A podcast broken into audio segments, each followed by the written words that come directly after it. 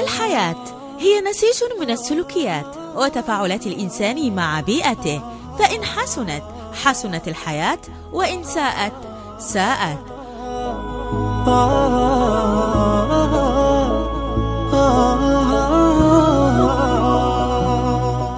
برنامج سلوك.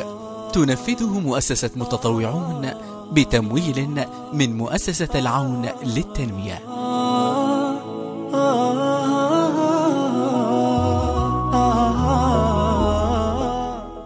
برنامج سلوك من إنتاج راديو سلامتك إف إم. تعده وتقدمه أروى عبود. يشاركها التقديم سامي صالح.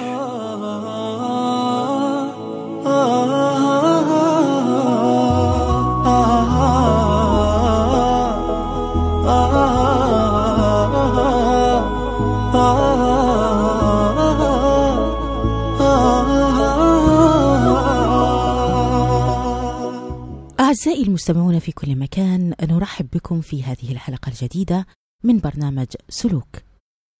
أحبتي كما عودناكم أن برنامج سلوك به عدة نشاطات تهم المجتمع. نشاطات تصب في السلوك الإنساني للفرد داخل المجتمع وأيضا السلوك الجماعي.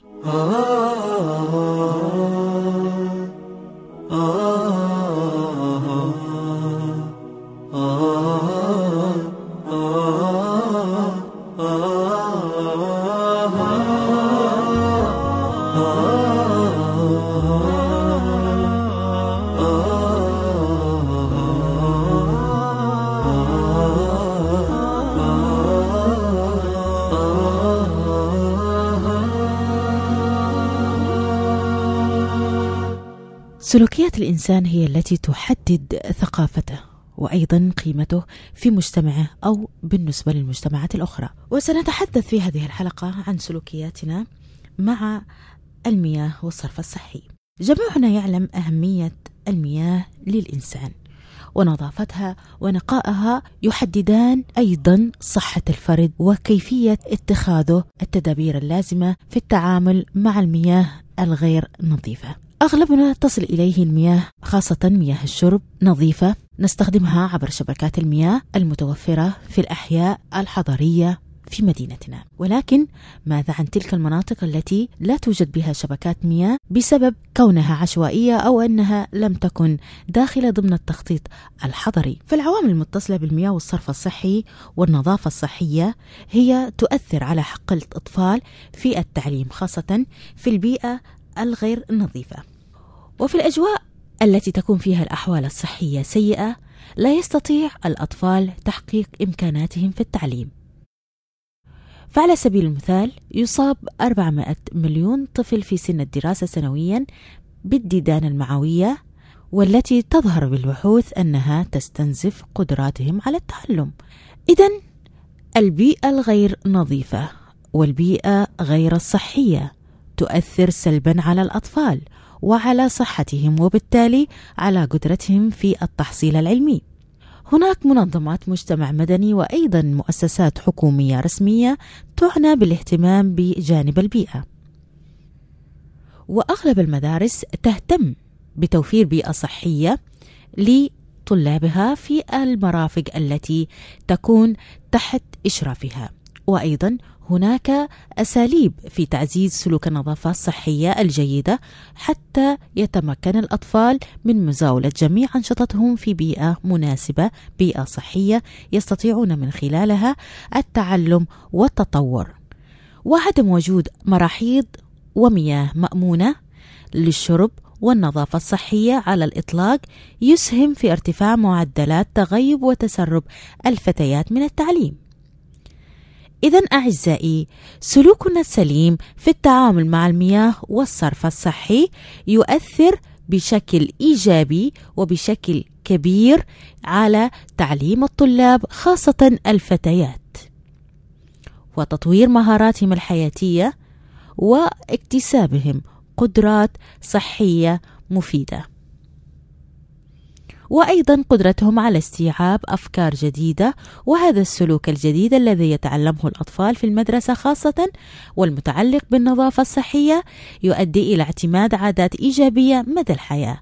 وقد يكون المدرسون نماذج يحتذى بهم حيث إن سلوك النظافة الصحية الجديد في المدرسة قد يؤدي إلى عادات إيجابية مدى الحياة. وأيضا سلوك النظافة الصحية يؤدي إلى عادات إيجابية ليس للأطفال فقط بل كذلك داخل المجتمع المحلي. وأيضا هؤلاء الأطفال الذين يستفيدون من هذه السلوكيات الصحية الجديدة والجيدة يؤثرون على سلوك أفراد أسرهم مثلا للأشقاء البالغين والصغار وبالتالي فهم يؤثرون بشكل إيجابي على المجتمع ككل. كما أن العمل مع الأطفال في البرامج المدرسية أكثر فعالية من حيث التكلفة من العمل مع الكبار.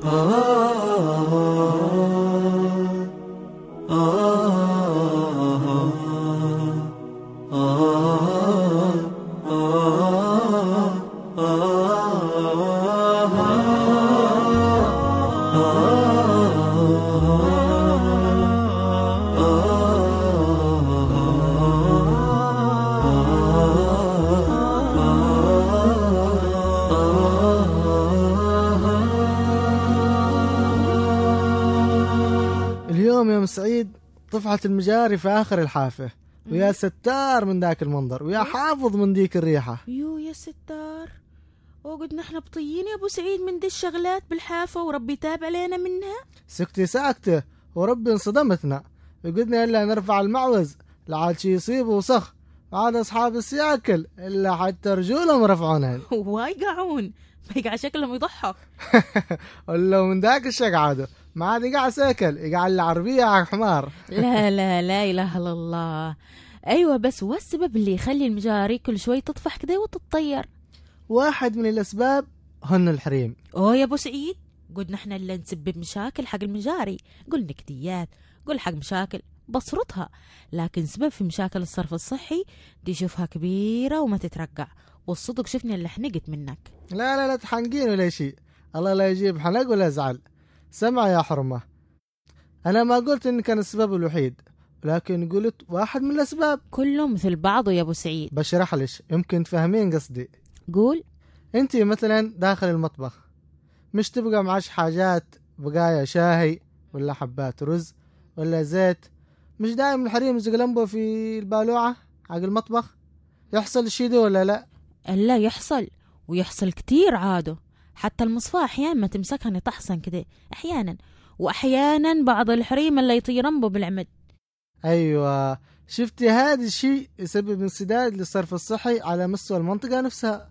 آها قول كده الصدق يا أبو سعيد ننطير ببقايا الزيت. لقليت شوية وزاد زيت نطير بوه شوفني في في البالوعة حقنا كده نطير بوه نتخلص منه. أكتر شي في رمضان. وأحيانا وقت العيد. حتى وقت العيد شفنا نطير بالمرق في المجاري. ودينا نقول بعد العيد طفحت انسدت حقنا البالوعة كله منش. لا لا ما هو قصدي. والله ماني عارفة. هو دي قاع بعدين الظاهر الا كده يترسب يقع يتجمد كما الشحم الظاهر بقاي المرق هذا. يسد البالوعة معد معد يمر الماء يرجع فينا. والله ماني عارفة يا أبو سعيد. لو دريت ما لقيت هذا الشيء وأما الآن دامني عرفت. الا توبة ومليون توبة. إن كان هذه التصرفات البسيطة بتسبب مشاكل كبيرة وتلوث على مستوى حينا ولا على مستوى مدينتنا. لازم نوعي أنفسنا يا أبو سعيد ونوعي كل اللي نقدر نوصل لهم. نقول لهم شوفوا يوم نطير بالأشياء هذه في المجاري خاصة مجاري الصرف الصحي تسبب انسدادات قوية وتلوث وتنتشر ماء المجاري الضار والغازات الضارة في الشوارع. ومن يتأذى يا أبو سعيد؟ أكيد نحن نتأدى. نحن الخلق نتأذى أكيد تمام عليش يا ام سعيد تمام عليش كده. وبعضهم عدم اللي يزقلون بالحفاظات حق الصقال ولا يا اشياء في المجاري ستار. وانسدادات تقع أصحاب المجاري ما يعرفون يصفونها. لا إله إلا الله ما دلة قوية شوفها وهذه الخلق دي اللي ما تحس على نفسها. كيف دي الحاجات يقولون بها في المجاري؟ كيف طق عليهم والله واه. ما اعتقد إنه بال- بالعمد يزقلون دي الحاجات الكبيرة. أكيد بتنسد المجاري. والله بعضهم يسقط يطحس عليهن وبعضهم بالعمل يزقلون بهن. ما دل عايز الباقي. لا لا لا لا. حاجاتك ما دي لا. ما تنزل في المجاري ابدا. بعدين إيش يسبب؟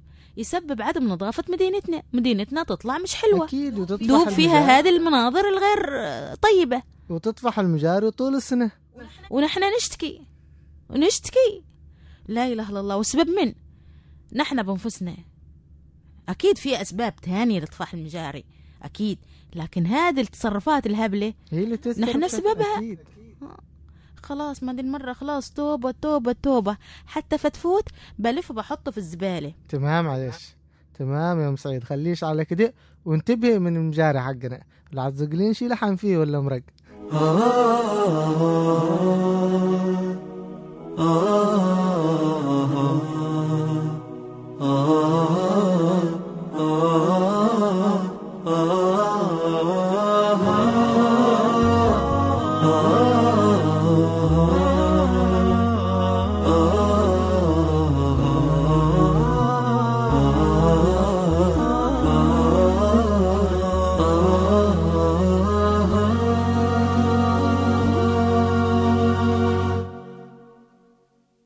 فقدتك وقلت اتصل أطمن وأسأل عليك. الله أمرنا بالوصل.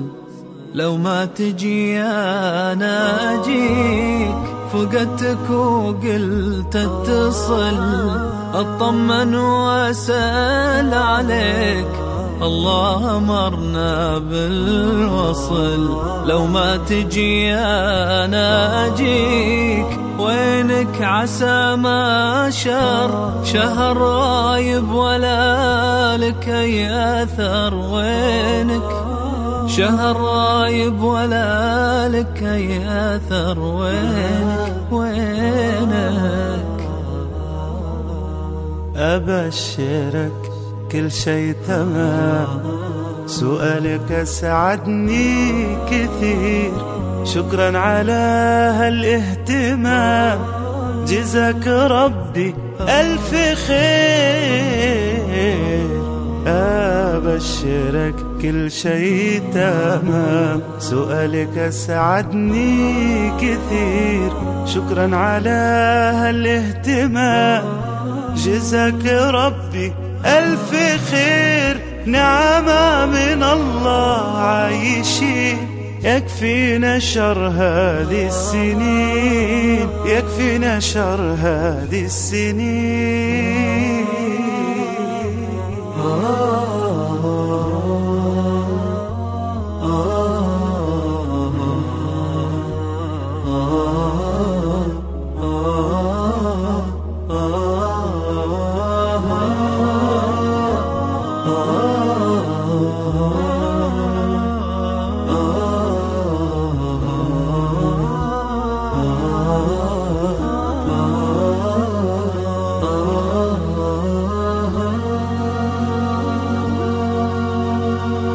أحبتي في هذه المرة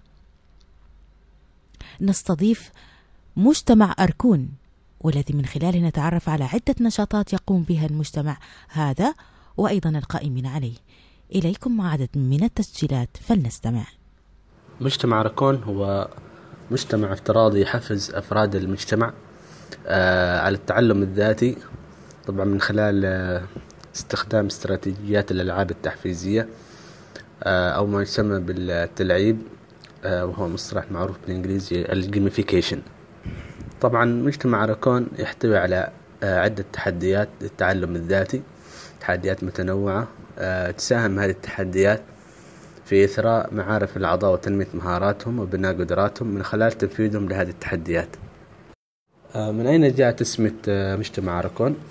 طبعا كلمة أركون آه، هي كلمة عربية فصحى وتعني آه، حكيم القرية أو شيخ القرية وهو المرجعية, المرجعية العلمية والفكرية لهذه القرية. أهداف مجتمع ركون آه، هي عبارة عن ثلاث أهداف.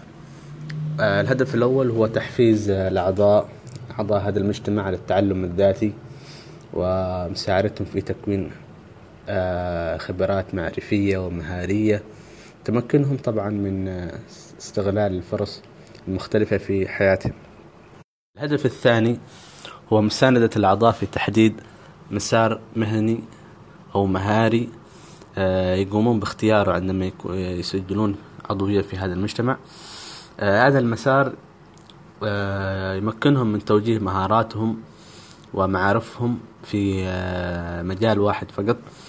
طبعا آه، وت- وتوحيد جهودهم يعني وت يعني توجيه ذلك ال- التحديات التي ينفذونها في التعلم الذاتي في هذا المسار الواحد مما يعود لهم بالمنفعة آه، في حياتهم يعني آه، المهنية وفتح آفاق مستقبلية لهم. الهدف الأخير من أهداف مجتمع راكون هو غرس قيمة التنافس الشريف بين بين الأعضاء من خلال تنفيذهم هذه التحديات التعلم الذاتي وهذا يمكنهم من بناء الماركة الشخصية الخاصة بهم. آلية الانضمام والمنافسة في مجتمع راكون آه، يتمثل في أولا آه، تسجيل عبر الرابط تسجيل البيانات آه، لطلب العضوية.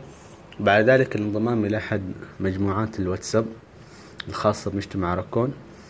ثم بعد ذلك تحصل آه، هذا ال- الشخص الذي طلب العضوية في مجتمع راكون على رقم خاص به رقم العضوية أو ما نسميه بالرقم التعريفي.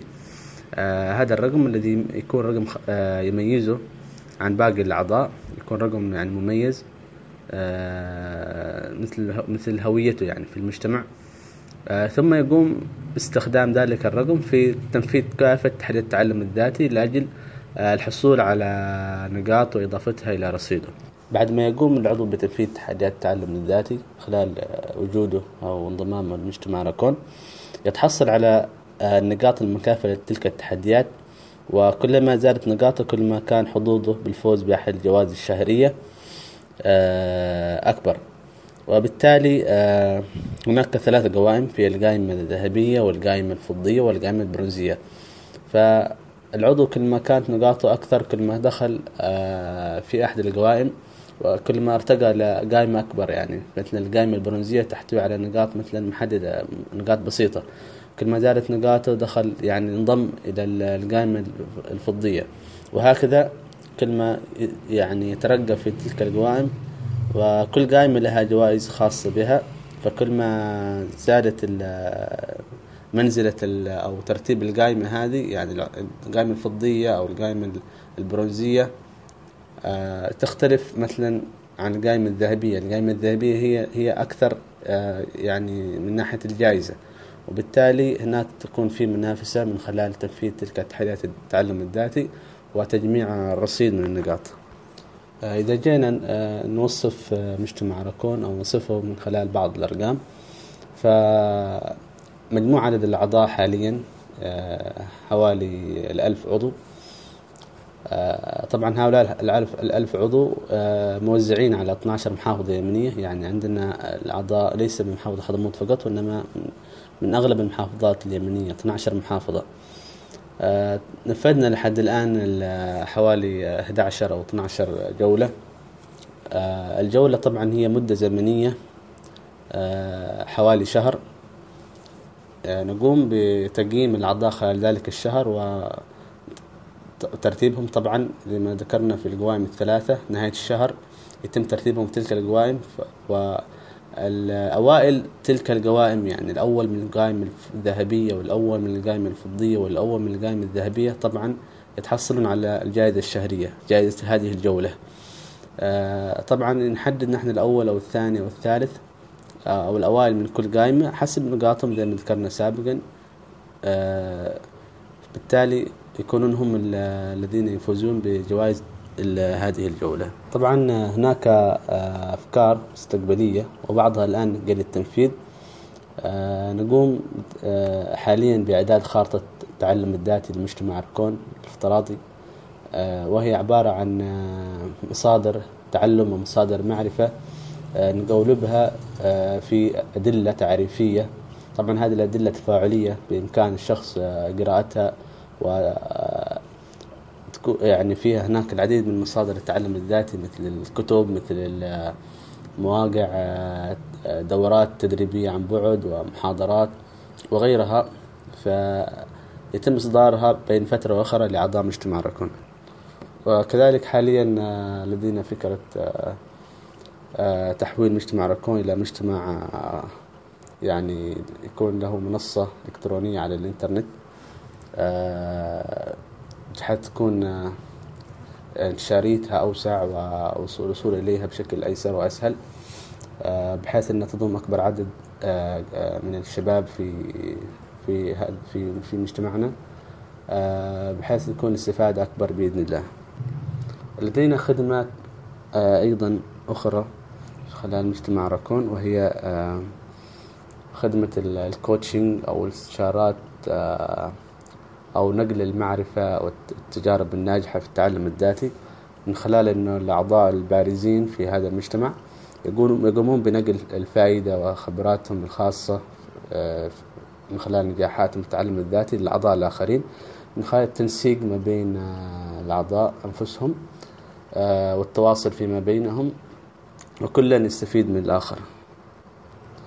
آه، بالأخير نقول أن مجتمع راكون هو لا زال في بدايته وعندنا طموح إن شاء الله بحيث أنه يتطور ويصبح آه، آه، أكبر أكثر فاعلية وأكثر وصول في تحقيق أهدافه بإذن الله وتحقيق الأثر المرجو منه في المجتمع بإذن الله. كان معكم المهندس سالم بحارثة رئيس مجتمع أركون ضمن حملة سلوك حياة.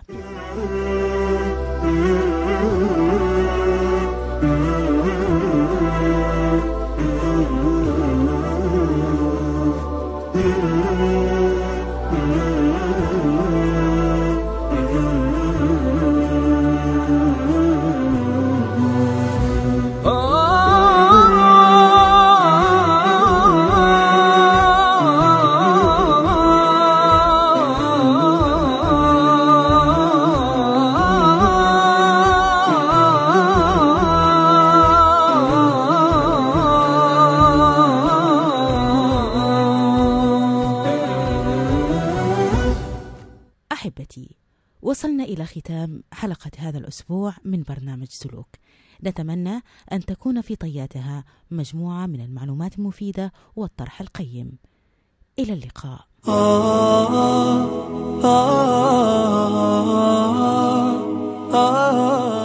الحياة هي نسيج من السلوكيات وتفاعلات الإنسان مع بيئته. فإن حسنت حسنت الحياة وإن ساءت ساءت.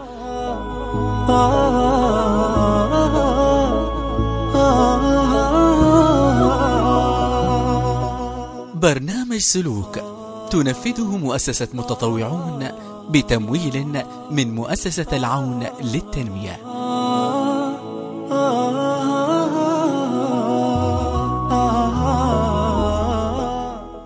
برنامج سلوك من إنتاج راديو سلامتك إف إم.